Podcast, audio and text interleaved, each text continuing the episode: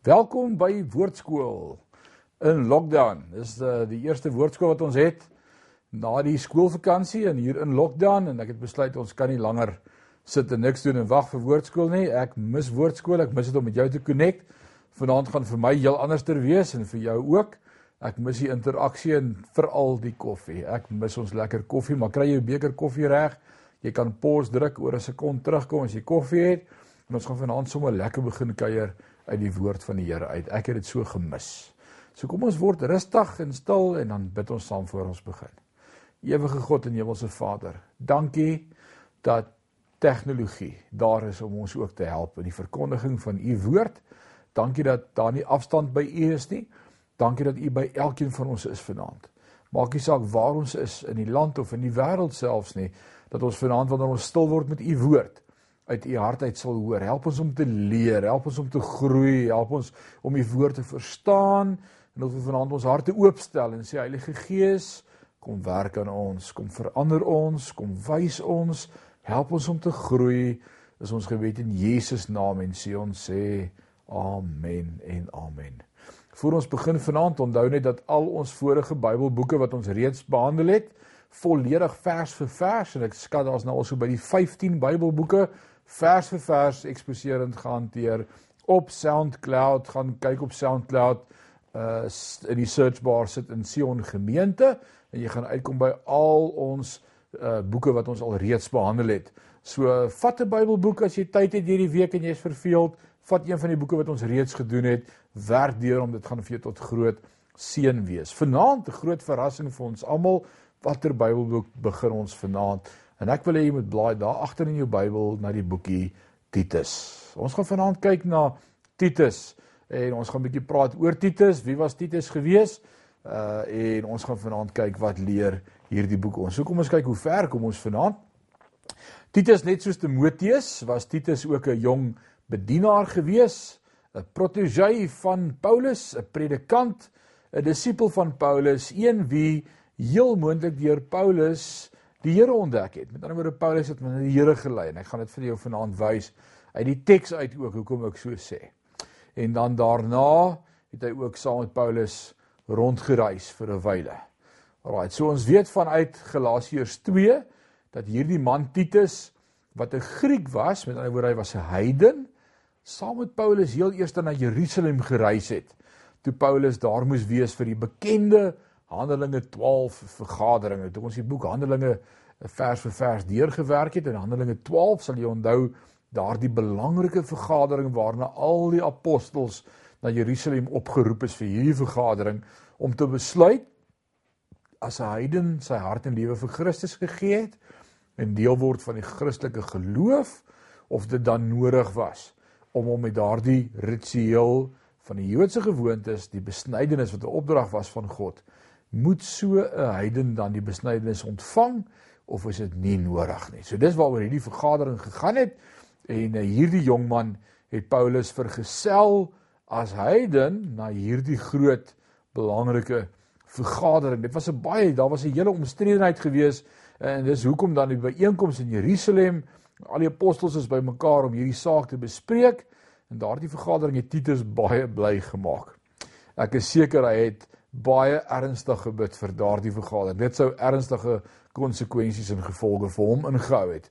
Maar hy het verseker geweet na daardie vergadering van Handelinge uh dat hy vry is.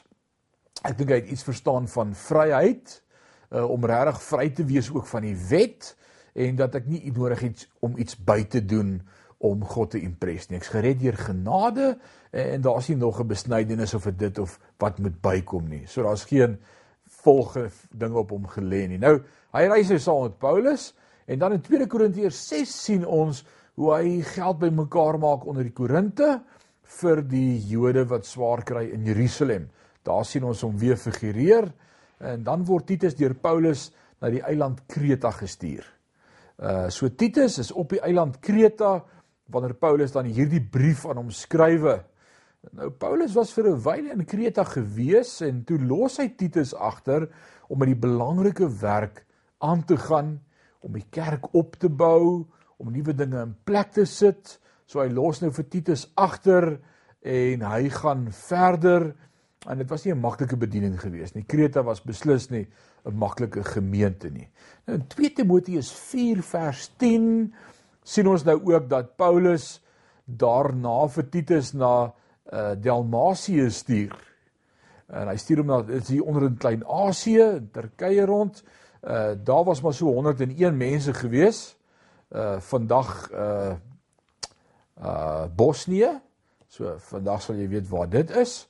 So as ons kyk na Titus se uh, reise, eers na Jerusalem met die groot vergadering, daarna betrokke by die bediening van die Korinte. Dit was 'n moeilike bediening, gaan lees in Korintiërs. Dan is hy in Kreta, dit was 'n moeilike eiland gewees hier waar Bosnië vandag is. En Paulus het baie vertroue gehad in hierdie jong man Titus. Titus net soos Timoteus was vir Paulus soos sy eie seun gewees. So as hier 'n brief aankom by Titus terwyl op die eiland Kreta is, nou Kreta is die eiland is omtrent so 160 by 50 km groot. Dis hoe groot hierdie eiland was, uh vol berge, baie uh, bergreeks. Uh demografie was redelik oorbevolk, daar was baie mense wat daar gebly het en die mense daar was moeilike mense gewees. So vir julle Ou Testamentiese studente en die wat hou van van die Ou Testamentiese geskiedenis, dit was van hierdie eiland Krete af waar ook die Filistyne afkomstig was. Hulle het van hier af afgereis en later ook uitgebrei en ons weet ons het baie met Israel was dit een van die groot ouens die Filistyne, né? Goliat se manne. Dit was die Filistyne gewees. Hulle was oorspronklik ook van Kreta. So onthou, hier is Titus onder opdrag van Paulus. Nou waar pas die boek Titus kronologies in by die lees van die Nuwe Testament? Dis baie belangrik om te onthou tussen eerste en tweede Timoteus om en by 65 na Christus. Uh, dit sou die tweede laaste boek wees wat Paulus geskryf het want aan die einde van 2 Timoteus weet ons dit was Paulus se einde gewees. So net voordat hy 2 Timoteus skryf, skryf hy hierdie brief vir Titus op die eiland Kreta. Uh Nou dit was net na sy eerste vrylating uit die gevangenis. Onthou Paulus was in Rome verhoor afwagtend, maar hy was nie in die tronk nie, hy was onder huisarrest. En toe sy vrygelaat vir 'n rukkie. En ons dink in daardie tyd wat hy vrygelaat is, het hy heel moontlik Kreta besoek uh, en daarna het Paulus weer is hy weer gearresteer deur Nero. Uh die keer is hy in 'n put aangehou, baie baie hartseer verhaal in 'n dungeon uh donker, klam, nat en daarna ook sy einde en ons weet hy's onthoof deur Nero. So dit was net voor sy laaste boek geskryf 2 Timoteus pas hierdie kronologies tussen 1 en 2 Timoteus in. Nou dit was genoeg vir 'n inleiding. Kom ons begin vanaand by Titus 1 vers 1 en ons kyk hoe ver kan ons kom met hierdie gedeelte.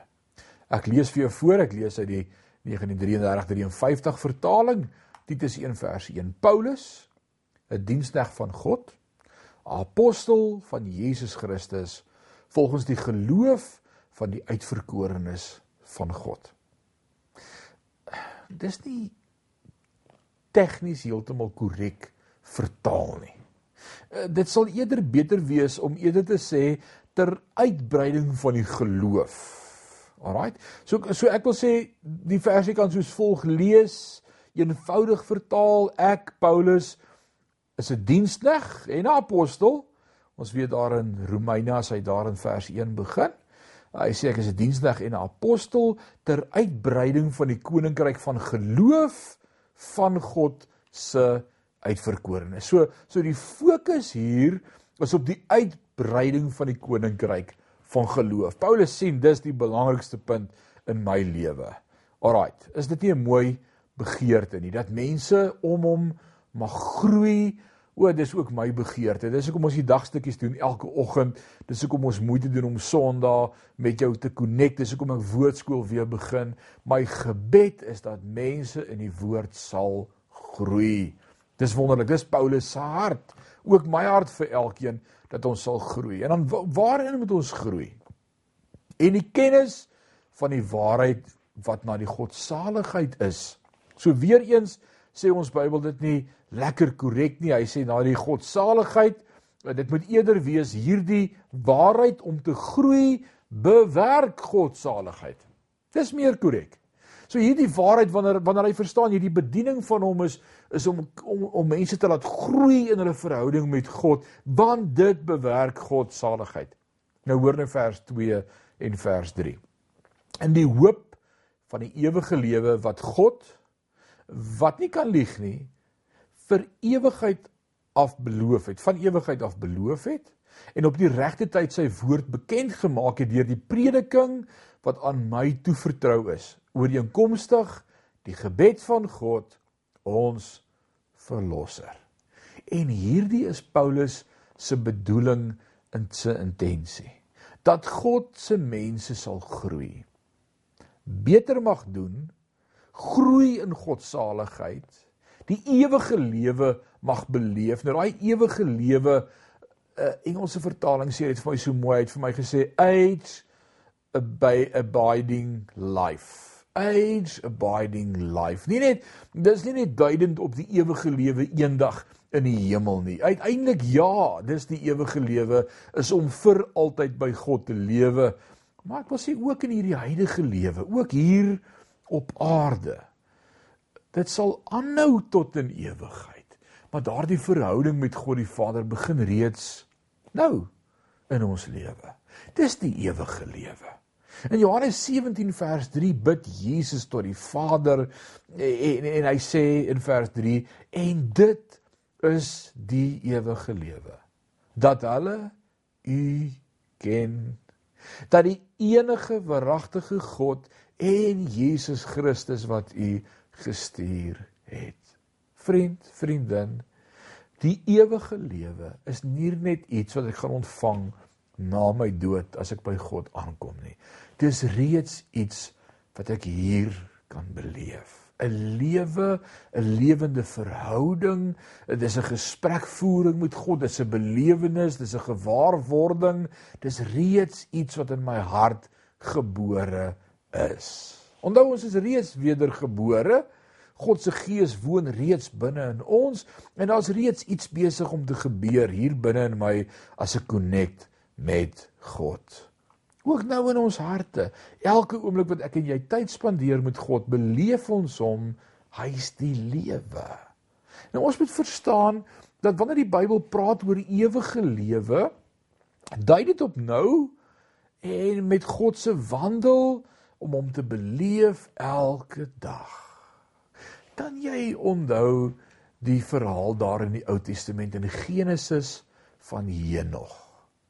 Henog het met God gewandel. Nou dit lees ons baie interessant sommer net 'n bietjie humor na die geboorte van sy seun Matuselech. Na die geboorte van Henog se seun Matuselech leer ons dat Henog met God gewandel het. Nou jy moet in gedagte hou Henog se seun het vir die eerste 500 jaar by Henog in die huis gebly. Dis genoeg om jou te dryf om met God te stap. En ek dink hy het vir die Here gesê, Here asseblief, kan ons nie maar net verder gaan nie. Die die een sonnaskoolseun kom by die huis en sy ma vra vir hom nou, "Waaroor het julle vandag klas gehad? Wat het julle geleer by die sonnaskool?" En hy sê, "Nee, ons het geleer van Henog."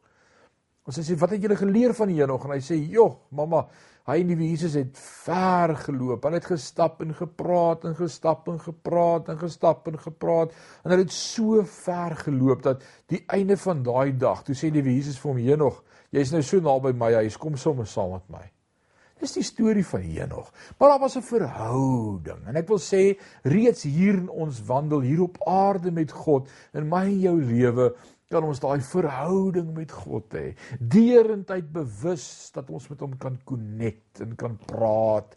Die ewige lewe het ek reeds ietsie van geërf en beleef. En dit bring hoop in my hart wanneer ons met God connect en met hom kan praat. So dis om die Vader te ken bid Jesus. En dis presies waarmee ons besig is hier in Woordskool. Elke dag met die oordeenking, elke oggend, elke keer as jy stilte tyd hou, is ons besig om die Vader se hart te leer ken en dis wanneer ons groei in hierdie verhouding met God. Dis ons hoop, die ewige lewe wat die Vader aan ons gee en die woord sê ook dit kom deur prediking. Die woord sê hy het prediking gekies, hierdie dom dinge om te probeer preek. God het dit gekies sodat ons daar ook ook mag groei. En in my gebed vir julle vanaand is ook dat julle deur hierdie pragtige kort boekie, drie hoofstukke, ons sal kyk hoeveel weke ons daarmee gaan besig wees, maar dat jy hierdeur gaan groei en net sommer God gaan beleef en ervaar. Dis awesome. Nou sê hy daar in vers 3 aan Titus, komma, my ware kind.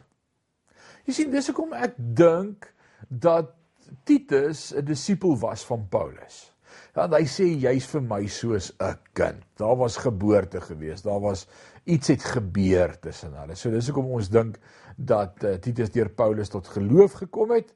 Hy sê aan Titus my ware kind volgens die gemeenskaplike geloof. So in hierdie gemeenskaplike geloof sien Paulus vir Titus as sy eie kind en dan groet hy hom in vers 4 en hy sê genade barmhartigheid vrede van God die Vader en die Here Jesus Christus ons verlosser. Jy al agtergekom in al Paulus se boeke wat hy skryf, gebruik hy 'n groet aan die begin wat hy sê ek groet jou genade of vrede of genade en barmhartigheid of barmhartigheid en vrede elke keer wanneer hy groet. Maar jy al agtergekom dat hy elke keer net verwys na God die Vader en die God die Seun Jesus Christus en dat hy nooit in sy groet die derde party van die drie enige gebruik die Heilige Gees nie. Jy al daaroor gewonder? Ek het al daaroor gewonder. En ek dink wat sal dit wees en dan kom hierdie woorde van Jesus self by my op wanneer hy met sy disippels begin praat aangaande die Heilige Gees Johannes 14, 15, 16 in daardie gedeeltes. En dan sê hy wanneer die Heilige Gees kom sal hy nie van homself getuig nie maar net van my Vader en dit wat my Vader sê. Hy sê hy sal julle bekend maak die gedagtes van die Vader en ons leer van die Seun Jesus Christus.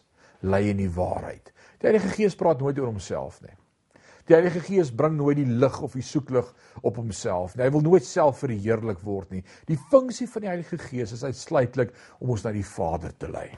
Johannes 16 Jesus sê as die Gees kom, die Heilige Gees kom, sal hy die wêreld oortuig van sonde, geregtigheid en oordeel. Sonde kom maar omdat hulle in my nie glo nie. Alraai. So die funksie van die Heilige Gees is altyd om ons te lei na die Vader en te lei na die Seun en daardie diep dieper woorde en kennis aan ons oor te dra en bekend te maak. Nooit op homself die fokus te plaas nie. Daarom as 'n herlewing werklike herlewing is, sal die fokus altyd wees Jesus Christus of die verheerliking van God die Vader. Nooit die verheerliking van die Heilige Gees nie. Hy wys net vir ons na die Vader. Baie baie interessant. Alraai, nou vers 5. Om hierdie rede het ek jou in Kreta agtergelaat dat jy nog verder sou regmaak wat oorgebly het. So hier kom die dit wat hy moet agterbly. Nou as Paulus dat die gemeente in Kreta begin het uh wat Titus nou moet regryk, nou vra ek wie het die gemeente begin? Daar's sommige wat reken Paulus het dit begin. Ek weet nie of Paulus dit begin het nie. Ons lees nie daarvan nie. Al wat ek weet is Paulus besluit om vir Titus daar te los en te sê hier is nog 'n paar goed wat reggeryk moet word. So dit laat my dink en as teoloog wat met my saamstem of ek saam met hulle eerder dat ons nie dink Paulus het die gemeente in Kreta gevestig nie. So hoe sou die gemeente in Kreta dan van die voet af gekom het? Hoe het hy dan begin? Waar was sy oorsprong? Dan as ons teruggaan na Handelinge 2 en ons het Handelinge vers vir vers reeds behandel in woordskool op die dag van Pinkster. Ah, oh, wat 'n pragtige dag. Dit wil sê in Handelinge 2 na die dag van Pinkster toe die Heilige Gees oor hulle gekom het, kan jy dit onthou? Was daar mense ook van Kreta wat daar tot bekering gekom het en hulle het die evangelie in hulle eie taal gehoor. Hulle het verstaan, hulle het verstaan hoe hierdie mense besig om God groot te maak. Uh, Daar's 'n groot menigte, 3000 het tot bekering gekom en is gedoop uh, en en die teoloë reken dat daar hierdie individue van Kreta was wat die saad van die evangelie hier ontvang het en met hierdie wonderlike boodskap terug is Kreta toe en 'n Christelike kerk in Kreta begin het. Dis hoe hierdie gemeente tot stand gekom het. Nou, daar's iets hier wat ek die geleentheid vanaand wil vat om met jou oor te praat. Dit is vir my interessant. In hierdie tyd waarin ons leef uh, in die wêreld uh ek is nog nie so oud nie maar ek is lank genoeg hier om te weet uh daar's racial tension daar's rasseverskille uh ons is anders aan mekaar gesit ons dink anders. Uh as individue as volk sê ons daar seker goed wat ander volke doen wat ons net nie kan verstaan nie. Ons optrede word nie deur hulle verstaan nie. Daar's hierdie ons mis mekaar. Daar's net hierdie konstante ons is nie dieselfde nie. Wat is die probleem? En dan wil ek jou vanaand help om dit te verstaan. Ek wil jou help om dit te verstaan. Want geen vredesverdrag ondertekening van of oproep tot uh gaan 'n verskil maak totdat jy nie snap wat ek vanaand met jou wil deel nie. En ek glo dit kom van die Here af. In die Ou Testament lees ons dat daar 'n komplot was teen God. Die wêreld was boos en en die mense het verenig en daar was 'n een eenheid op aarde en en hulle het te daan Baal het hulle besluit om die toring van Babel in Babylon, nê, die toring van Babel te bou. Daar was 'n een eenheid dat dit mense het het het verenig teen God. En dan probeer hulle hierdie toring van Babel oprig en dan sien ons hoe God self kom en hoe hy hulle aanraak met verskillende tale. Daar kom 'n Babelse verwarring. Dis waar die term vandaan kom, 'n Babelse verwarring. God self bring daar die Babelse verwarring tussen mense. Ewe skielik ontstaan daar verskillende uh, tale, groepe, uh nasies. Hulle spat uitmekaar uit, elkeen na sy eie streek toe want uh ander klanke kon hulle sê okay maar jy klink soos ek maar ek skielik verstaan ek daai een nie meer nie. Kom ons gaan doen ons eie ding. En en so die wêreld opgebreek en en het ons verskillende uh nasies tale volke uh kulture ontwikkel daaruit. So die oorsprong van daardie verdeeldheid was God self by die toring van Babel. En en daarom is dit vir ons moeilik, nie net in Suid-Afrika nie, maar reg oor die wêreld, dat al praat mense dieselfde taal, ons verskil. Al praat ons almal Engels, hoor sekere mense iets anders as wat ons hoor. Al verstaan almal Afrikaans, verstaan ons nie Afrikaans nie. En dit is moeilik om mekaar te vind en dit voel in ons eie lewe asof daar 'n Babelse verwarring is. In ons eie land op hierdie oomblik daar's 'n Babelse verwarring en dis alles deel van wat God gedoen het met die toring van Babel. Maar ek jy moet nie nou opsit nie, luister klaar, maar op Pinksterdag na die uitstorting van die Heilige Gees gebeur daar iets. Daar vind 'n hereniging plaas. En, en skielik word die kerk van die Here Jesus Christus oor die aarde wat nou uitmaak alle volke, tale, nasies, kulture, rasse. Skielik is daar weer 'n gemeene faktor wat ons saambind en saamvoeg en dis die Heilige Gees. En daarom is die regte gebed gebed om eintlik te bid in hierdie tyd is dat God se gees vaardig sal word oor alle vlees. Dat dat God sal beweeg deur sy Heilige Gees en mense se harte sal verander sodat daar weer 'n een eenheid kan kom tussen swart en wit en verskillende kulture en kleure, nasies, tale. Dis wat nodig is om te gebeur. Jy ek onthou toe ek getoer het in Kanada en dit was heerlik om daar te wees en, en selfs toe ons in Israel was 'n paar jaar gelede en jy stap verby 'n lokaal waar daar mense is besig om God groot te maak. Ek onthou in Israel toe ons daar gestap het in die ou stad, daar was so 'n groep Christene wat van iewers anders in die wêreld 'n ander taalgroep bymekaar was en hulle het 'n lied gesing in hulle eie taal en ek het net daar gaan staan en so bewus geword van 'n een eenheid tussen ons want hulle is besig om God te aanbid. En al verstaan ek nie hulle taal nie, is dieselfde gees in hulle wat ook in my is en ons is broers, dit maak ons familie. Dit maak ons een, dit bring 'n een eenheid tussen individue. En dis waarvoor ons moet bid in hierdie tyd is dat God se gees wat vaardig word oor mense, dis wanneer die kerk bymekaar kom. En dan besê ek, die kerk bestaan nie uit wit of swart of geel of groen nie. Die kerk bestaan uit wedergebore kinders van God gevul met die Heilige Gees. Dis die kerk. Die kerk van die Here Jesus Christus het nie 'n bordjie nie. Hy het nie 'n naam nie deur die hele wêreld. Oralster is ons deel van die kerk van die Here Jesus Christus. En dis hierdie liggaam, hierdie kerk in Kreta wat Paulus vir Titus sê gaan bedien hierdie gemeente. Dan wil ek vandag sê mag ons in hierdie tyd bid vir hierdie eenheid, vir hierdie herlewing. Joel profeteer.